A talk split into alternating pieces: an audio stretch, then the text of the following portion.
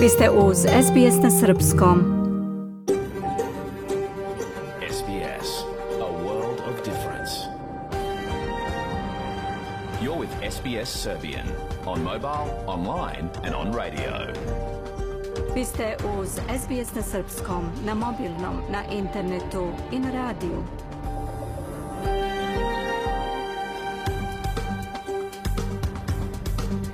SBS odaje priznanje tradicionalnim vlasnicima zemlje za koje danas emitujemo program na srpskom jeziku. Ovim izražavamo poštovanje prema narodu Ranger i Vojvorang, pripadnicima nacije Kulin i njihovim prošlim i sadašnjim starešinama. Također odajemo priznanje tradicionalnim vlasnicima zemlje iz svih aboriđinskih naroda i naroda sa ostrva iz Torisovog Moreuza, sa čije zemlje slušate naš program. Dobar dan. Danas je utorak 21. jun 2022. Ja sam Biljana Ristić. U današnjem programu posle pregleda vesti reći ćemo više o uspostavljanju dana protiv govora mržnje u Ujedinjenim nacijama. Hranislav Nikolić reći će o izboru novog gradonačelnika Beograda, a Mija Nikolić govori o nedostatku radne snage u Srbiji. Svjetska zdravstvena organizacija je za 23. jun sazvala sastanak Komiteta za hitne slučajeve na kome treba da bude procenjeno da li širenje majmunskih boginja predstavlja vanrednu situaciju za javno zdravlje u međunarodnim okvirima. O tome ćemo reći u zdravstvenom bloku kao i o novom istraživanju o posljedicama dugotrajnog covid na mozak. Ostanite sa nama do 16 časova. Sledi pregled vesti.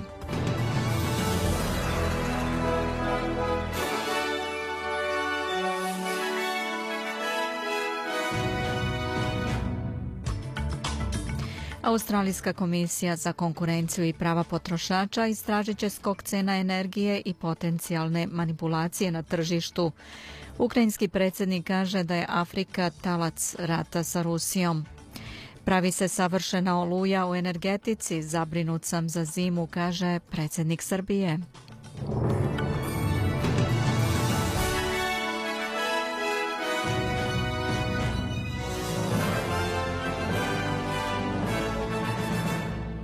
Australijska komisija za konkurenciju i prava potrošača će izdražiti skok cena energije i potencijalne manipulacije na tržištu od strane energetskih kompanija. Istraga će ispitati da li su veliki proizvođači električne energije bili u dosluhu i da li su prošle nedelje stopirali isporuke na tržište. Federalni ministar za javne usluge i nacionalni plan invalidskog osiguranja Bill Schotten je rekao za emisiju Today na kanalu 9 da će se uskoro otkriti šta se dogodilo. Energy companies should not be making undue profits when everyone else are doing it hard. Energetske kompanije ne bi trebalo nepošteno da zarađuju u vreme kada je svima drugima teško zbog povećanja troškova života i zimskog talasa i nakon deset godina odlaganja i poricanja u našem energetskom sistemu, kaže Shorten. Očekuje se da će rezultati istrage biti saopšteni sljedećeg meseca nakon sastanka svih ministara energetike. Odbor za energetsku bezbednost je predložio plan prema kome bi proizvođači električne energije, uključujući operatere uglja i gasa, dobili novčana sredstva ukoliko bi mogli da garantuju snabdevanje električnom energijom.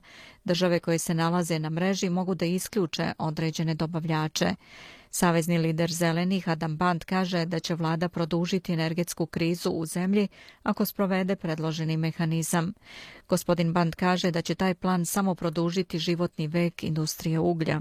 Coal and gas corporations are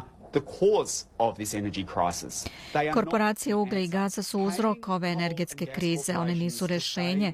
Plaćanje korporacijama za ugalj i gaz kako bi duže ostale u sistemu nije samo uzaludno bacanje novca, već će pogoršati problem, kaže on. U međuvremenu lider zelenih Adam Bant je suočen sa kritikama jer je odbio da stane ispred australijske zastave tokom konferencije za štampu. Bant kaže da simbol zastave poziva na rasizam i vreća starosedeoce. Takozvana signalizacija vrline za koju Banta optužuju odnosi se na javne postupke ili izražavanje mišljenja sa namerom da ostavi utisak moralne ispravnosti ili besprekornog karaktera. Savezni ministar za javne usluge Bill Shorten rekao je u emisiji Today na kanalu 9 da takvo ponašanje odbija ljude. Everyone agrees that First Nations people should get an equal deal in this country. Svi se slažu da pripadnici prvih naroda u ovoj zemlji treba da budu ravnopravni i želimo da promenimo ustav i upišemo ih u rodni list naše nacije, ali takvi postupci, takvo signaliziranje vrline kojom se poručuje volim prve narode više od svega, to je površno, rekao je Bill Shorten.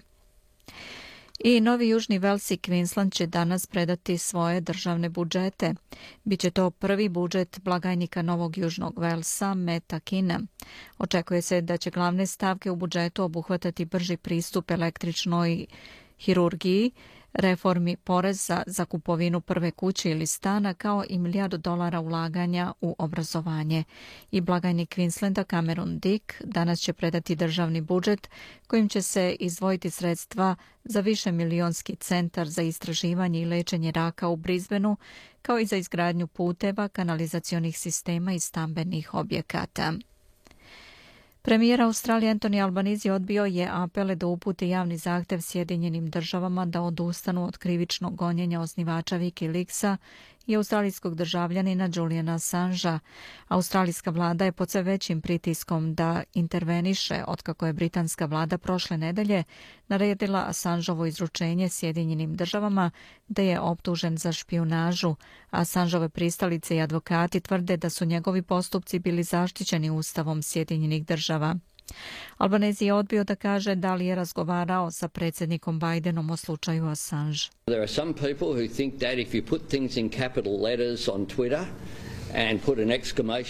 Postoje ljudi koji misle da su važni jer na Twitteru pišu objave velikim slovima i stavljaju znake uzvika. Nisu, poručio je Albanizi pred novinarima i poručio da namerava da vodi vladu koja se diplomatski i na odgovarajući način angažuje sa svojim partnerima. Federalni tužilac Mark Dreyfus i ministarka spoljnih poslova Penny Wong odreagovali su na odluku britanske vlade rekavši da se Assangeov slučaj previše odugovlači, poručivši da bi taj slučaj trebalo da bude priveden kraju. Oni su potvrdili da će nastaviti da zastupaju taj stav u kontaktima sa vladama Ujedinjenog kraljevstva i Sjedinjenih država, ali nisu pozvali Sjedinjene države da odbace slučaj Assange. Pripadnici pakistanske zajednice Australije izrazili su žaljenje i nebericu zbog napada na Australijanku koju je navodno sekirom usmrtio njen svekar. U izveštaju BBC-a na jeziku Urdu kaže se da Sajida Tansim navodno pod pritiskom svog muža se preselila iz Perta u Pakistan 2017. Želela je da se vrati u Australiju, ali joj je svekar i svekrva to uskratili. Već su joj oduzeli i pasoš kao i pasoše njene dece. Prema izveštaju pakistanske policije koji je verifikovao list The Age, otac gospođe Tansim Sher Mohammad Khan tvrdi da je njegovu čerku napao svekar u porodičnoj kući u Sargodi tokom svađe zbog njenih planova da se vrati u Australiju. Port parol Ministarstva inostranih poslova i trgovine rekao je u ponedeljak da su kontaktirali porodicu kako bi izrazili saučešće i ponudili konzularnu pomoć. SBS na srpskom pregled vesti iz sveta. Izrael bi trebalo da održi pete opšte izbore za manje od četiri godine nakon što je krhka koaliciona vlada zaključila da više neće moći da nastavi da radi. Prema ranijem dogovoru, premijer Naftali Bennett će zameniti mesta sa zamenikom premijera Jairom Lapidom. Izbori bi mogli da budu održani krajem oktobra, kažu komentatori, a bivši premijer i sadašnji opozicioni lider Benjamin Netanyahu poručuje da će se on vratiti na najvažniju funkciju u toj zemlji. Predsjednik Francuske Emmanuel Macron pozvaće sve političke stranke koje mogu da formiraju grupu u novom parlamentu na razgovore danas i u sredu nakon što je njegova koalicija izgubila apsolutnu većinu, izjavio je izvor blizak Makronu. Makronova centralistička koalicija je pod pritiskom da obezbedi podršku rivala za spas Makronovih reformskih planova nakon što je na izborima održanim u nedelju izglasan parlament u kojem niko nema većinu, prenosi agencija Reuters. Ukrajinski predsjednik Volodomir Zelenski izjavio je u govoru pred liderima Afričke unije da je Afrika talac u ratu sa Rusijom, što je doprinelo rastu cena hrane na kontinentu.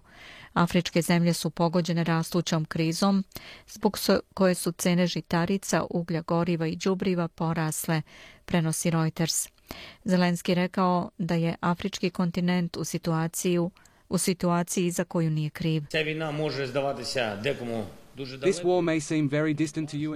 Ovaj rat može izgledati veoma dalek vama i vašim zemljama, ali katastrofalno rastuće cene hrane su ga već donile u kuće milionima afričkih porodica. Obraćam vam se u vanrednom stanju kada imamo rat, u vanrednom stanju za ceo svet, kada je Afrika zapravo uzeta kao talac.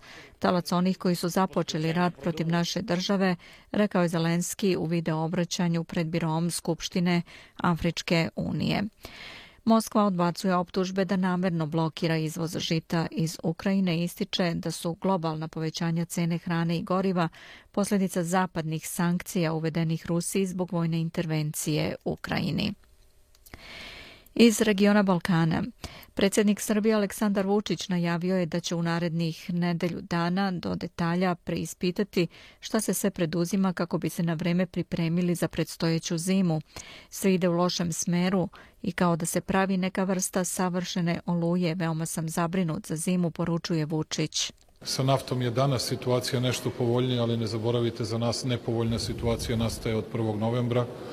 De facto a sa gasom je sve nepovoljnija iz dana u dan, ne sa nama, već govorim sa svima drugima u Evropi, ali kad je sa svima drugima u Evropi ta cena gasa rast i to vam je za onih milijardu dodatno koje mi moramo da kupimo kubnih metara mimo onih 2 do 2,2 milijarde, opet viša cena. Predsjednik Vučić najavio je da će danas obaviti konsultacije sa premijerima Severne Makedonije i Albanije Dimitrov Kovačevskim i Edijem Ramom, kao i vladom Srbije u predstojećem samitu 23. juna u Briselu i da će nakon toga doneti odluku da li će ići na taj samit. Vučić je rekao da je u petak zvanično dobio poziv da prisustvuje sednici saveta u četvrtak u Briselu. Predsjednik Skupštine Srbije Ivica Dačić ocenio je da bez obzira na to što se o kandidaturi Kosova za članstvo u Savetu Evrope dosta govorilo, izgleda da je svima u ovom momentu odgovaralo da to baš ne bude odmah na dnevnom redu i dodao da će se o tome nešto više znati verovatno tek na jesen. Dačić je novinarima u Strasburu posle sednice parlamentarne skupštine Saveta Evrope, na kojoj je učestvovao kao šef delegacije Srpskog parlamenta, kazao da pitanje Kosova i njihova kandidatura za članstvo u Savetu Evrope još nije ušlo u proceduru. Oni imaju pravo da učestvuju ovako kao e, gosti i posmatrači u nekim radnim telima, ali za sada nema nikakve promene u njihovom statusu E, a kada će to biti, e, o tome će se tek na jesen verovatno nešto više znati. Osvrćući se na neposredni povod svog učešća na trećem redovnom zasedanju na 17. sednici Parlamentarne skupštine Saveta Evrope, na kojoj je predstavljen izveštaj posmatračke misije Skupštine o izborima u Srbiji 3. aprila, Dačić navodi da uvek ima određenih političkih grupacija koje imaju određene primedbe. Ipak primećuje da je od velikog značaja to što je šef misije Parlamentarne skupštine Saveta Evrope i autor izveštaja Aleksandar Pocej rekao da je njihov zaključak da su izbori sprovedeni u demokratskoj atmosferi. Specijalni predstavnik Evropske unije za dijalog Beograda i Prištine Miroslav Lajčak organizovaće danas u Briselu novu rundu dijaloga na nivou glavnih pregovarača, potvrdio je Tanjo Guport parol Evropske unije Petar Stano. Stano je izjavio da će fokus razgovora biti na finalizaciji mape puta koje bi trebalo da olakša primjenu dogovora o energetici iz 2013. i 2015. U diplomatskim izvorima u Briselu kažu da su Beograd i Priština gotovo finalizovali dogovor o primjeni sporazuma o energetici, a da su i pregovori o deklaraciji o nestalim osobama u završnoj fazi. Zvaničnici Evropske unije najavili su i da pre letnje pauze očekuju da će se u Briselu održati još jedna runda dijaloga Beograda i Prištine na najvišem nivou, kada bi mogao da bude potvrđen eventualni dogovor o energetici i nestalima postignut na nivou glavnih pregovarača. Aleksandar Šapić, prvi na listi Aleksandar Vučić zajedno možemo sve na aprilskim izborima, izabran je na sednici Skupštine grada Beograda za 68. gradonačelnika prestonice. Za zamjenicu gradonačelnika izabrana je Vesna Vidović, također iz redova naprednjaka. Tajnim glasanjem izabrano je i 13 članova gradskog veća koje je Aleksandar Šapić predložio. Opozicioni odbornici nisu učestvovali u glasanju za nove gradske čelnike. O tome će opširnije reći Hranislav Nikolić kasnije u programu. Da pogledamo i kolika je vrednost australijskog dolara danas. Prema američkom vredi 70 centi, 66 euro centi i 57 dam britanskih penija i 77 srpskih dinara 75 para. Ukratko iz sporta, australijanci John Willman i Alex de napredovali su na teniskom turniru pre Wimbledona u Eastbourneu. 23-godišnji Demenor koji je branilac titule u izbornu pobedio je čileanca Kristijana Garina. Umeđu vremenu Milman, koji je sedmoplasirani igrač Australije, iznenadio je Amerikanca Sebastijana Kordu. Sljedeći protivnik će mu biti Aleksandar Bublik. Srpska teniserka Aleksandra Krunić eliminisana je na startu VTA turnira u izbornu, pošto je u prvom kolu poražena od Ajle Tomljanović 6-0-4-6-6-3. Srpski teniser Novak Đoković odradio je prvi trening na Wimbledonu na kojem će nastupati od naredne nedelje. Đoković je pauzirao nakon neuspeha na Roland Garrosu kada je u četvrtfinalu poražen od Nadala. Srpski teniser će na Wimbledonu braniti trofe i pokušati da dođe do osme titule. Košarkaški klub Partizan zbog odbijanja da igra play-off Superlige kažnjen je sa ukupno 1,8 miliona dinara i Obradoviću četiri meča suspenzije. Odluku o statusu doneće predsjedništvo Košarkaške lige Srbije u što kraćem roku. Ženska odbojkaška reprezentacija Srbije otputovala je iz Brazilije u Kalgari, gde će odigrati utakmice treće nedelje Lige nacija, saopšteno je iz Odbojkaškog saveza Srbije. I na kraju ovog bloka da pogledamo i vremensku prognozu. Moguću su lokalni pljuskovi u Pertu 22 stepena, Adelaide slično vreme 17. Lepo je u Melbourneu sunčano 16 stepeni. Mestimično oblačno u Hobartu sa 14. Kambera pretežno sunčano 13 stepeni, Sidney također pretežno sunčano 18. Brisbane sunčano vreme 23 i u Darwinu također sunčano 33 stepena. Beograd danas sa povremenim pljuskovima tokom dana 29 stepeni.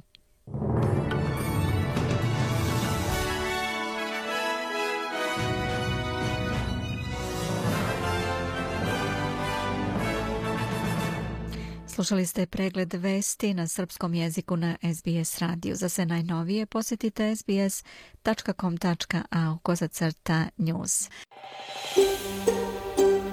Želite da čujete još priča poput ove? Slušajte nas na Apple Podcast, Google Podcast, Spotify ili odakle god slušate podcast.